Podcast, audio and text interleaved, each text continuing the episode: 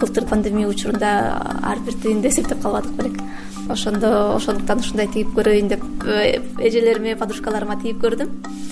Негизи өзүм менин идеям деп ойлогом мен өзүм ойлоп таптым го ушундай кнопка коюп дегенди андан кийин. Интернеттен карап көрсөм көрсө европада эбак эле мындайлар менен колдонушат экен айсулуу башында көп жолу колдонуучу гигиеналык жаздыкчаларды өзү жакындары достору үчүн гана тигип көргөн. Кийинчерээк инстаграмдан сата баштаганда аялдардын арасында эко жаздыкчаларга суроо талап аз эмес экенин байкаган көбүнчө кыргызстандын ичиндеги эле ошол кыргызстандын баткенге кечээ жөнөттүк э, баардык эле областтарга кетти.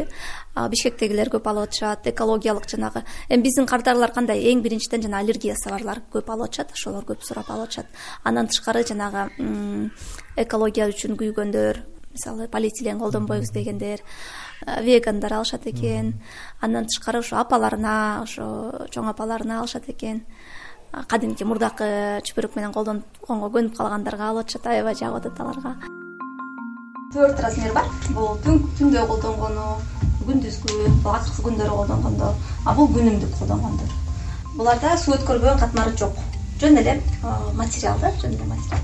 А буларда деген суу өткөрбөгөн катмары бар. Булар суу өткөрбөгөнү менен абаны өткөрүп денени дем алдырып турат да. Биздин баабыз жүз сомдон башталат. Жүз элүү беш жүз жетимиш беш жүз токсон беш сом эң кымбаты. Эки уулдун энеси айсулуу борбуева отуз эки жашта. Ал чакан бизнесинин башаты былтыр декреттик өргүүдө отурганда муктаждыктан улам жаралганын айтат.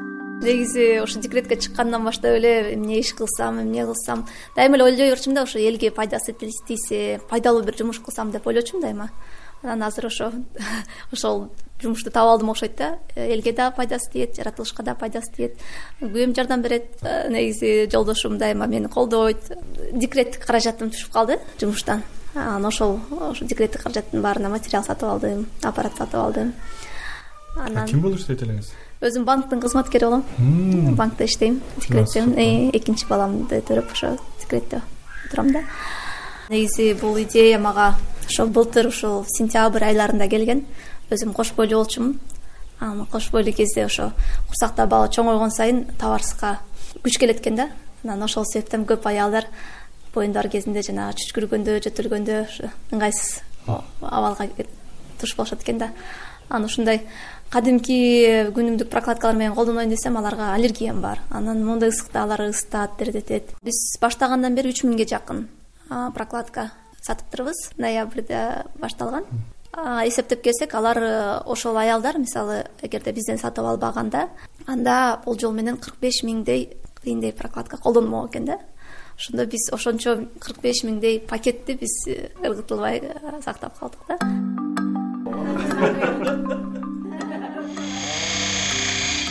Мына бир сегиз штука даяр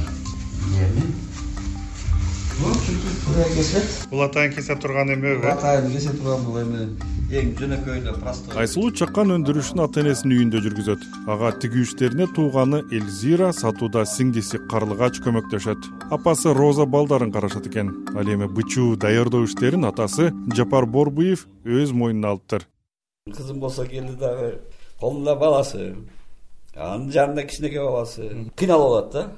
Анан кийин ай алып келчи мен жардам берейин деп анан кийин жардам бере баштадым анан сутка кирдим да эмне негизинечи ар бир аял заты ушундан пайдаланып эметсе талаага чыдай берсе природага чыга берсе ошондо катастрофа болоорун билдим да. Бул иштин экологиялык жагын айсулуунун атасы жапар борбуев да өзгөчө белгилеп келет. Ал желим буюмдардын айрыкча арзан баадагы наристелер үчүн желим жалаяктар менен аялдардын гигиеналык баштыкчаларынан соңку жылдары экология болуп көрбөгөндөй зыян тартканын коом аңдабай жатканына кейийт дүйнөдө сегиз жарым миллиард киши деп койсок да ошонун жарымысы аял заты болсо ошонун жарымысы пайдаланса ошондо эки миллиард адам болот. Күнүгө эки миллиард адам ушул бир э, эмеден прокладкадан сыртка тыштап турса сыртка тыштап турса эки миллиард адам канча деген зыяндуу эме чыгат сыртка. Алардын баардыгын переработка кылбайсың же болбосо аны уничтожать эте албайсың аларды бир жерге апарып таштайт өрттөйт өрттөгөндө э, бузулат природа туурабы ошондуктан мен ушул э, ошондон кийин жанагы балдардын памперсин көргөндөн кийин мен ушуну өтө серьезный экен деп сезем да. Адамдар менен адамдын ортосундагы акыйкаттыкты үчүн күрөшүштүн зарылчылыгы бар но бирок природа менен э, адамдын ортосундагы акыйкат мамилени э, андан жогору коюуну мен негиз деп ойлойм да. Дегени менен айсулууну аялдардын саламаттыгы көбүрөөк ойлондургандай. Ал эко жаздыкчыларга атайын сертификат алуу менен эле токтоп калбай учурда кыргызстандын акушер гинекологдор ассоциациясынын атайын сыноосунан да өтүп жатыптыр. Мамлекеттик сертификат алдык кмс алдык анан ошо жакында ошол кыргызстан кыргыз республикасынын гинеколог акушер гинекологдордун ассоциациясына өзүбүздүн продукциябызды апробацияга бердик. Ошолорго жазып айтсак биринчи жолу угушуптур андай продукция жөнүндө алып келип бергиле деп ошо карап тестировать этишет экен. Канча бир штук канча бир аялга тестировать этип анан өздөрүнүн да тесттерин өткөрүп анан рекомендательный письмо жазып беришет экен да эгерде өтүп калса. Ошо андан тышкары ошол колдонулганда абдан ыңгайлуу денени дем алдырып турат. Андан тышкары ошол ден соолукка зыяны тийбейт экен. Себеби кадимки заманбап прокладкалардын составында синтетикалык материалдар бар экен. Алардын жанагы полиэтилен болсо абаны өткөрбөйт дем алдырбайт денени. Ошол себептен азыр көп аялдар эмне үчүн сүттөрү албай жүрүшөт мисалы же болбосо гинекологиялык жактан көп ооруларга чалдыгып атышат. Көрсө ошол көп э, биздин күнүмдүк колдонуп жүргөн нерселерди караш керек экен да. Айсулуу борбуева келечегин ушул ишке байлап жатканын жашырбайт. Бул багытта ал эл аралык жана жергиликтүү уюмдар менен иштешип жатканын айтат. Анан ошо э, инстаграмда отуруп мен жанагы шистарс деген фонддун долбоорун долбоорун отуз сегиз алтымыш эки деген долбоор болуп атыптыр заявка кабыл алып атышыптыр онлайн түрүндө инстаграмды үйрөтүшөт экен да товарды продвижение кылганга үйрөтүшөт экен. Аны как раз мага керектүү нерсе экен деп заявкамды берип койгом өтүп калдым. Анан ошондон бери э, онлайн инстаграмды мага ошо шистарс э, фонду окутту. Андан тышкары э, сабактарды бекер өтүп аттым үйдө отуруп эле. Андан кийин менторлорду бөлүп беришет экен алар жардам беришет экен кадимки эле биздин блогерлер сабак өтүп атышты бизге апрель айында оон ишкер айымдардын товарларын презентациялаган э, эл аралык выставка болду да. Анан ошол жака менин продукциям өтүп калды. Ал жака көргөзмөсүнө катышып келдик. Ошол оондон менин проектимди эл аралык инвесторлордун алдында презентация кылганга мүмкүнчүлүк берип атышат да. Анан азыр эгер ошол презентациям ийгиликтүү болуп эгер чет өлкөлүк донорлор эгер кызыгып калышса балким каржылоо инвестиция может келип калышы мүмкүн да.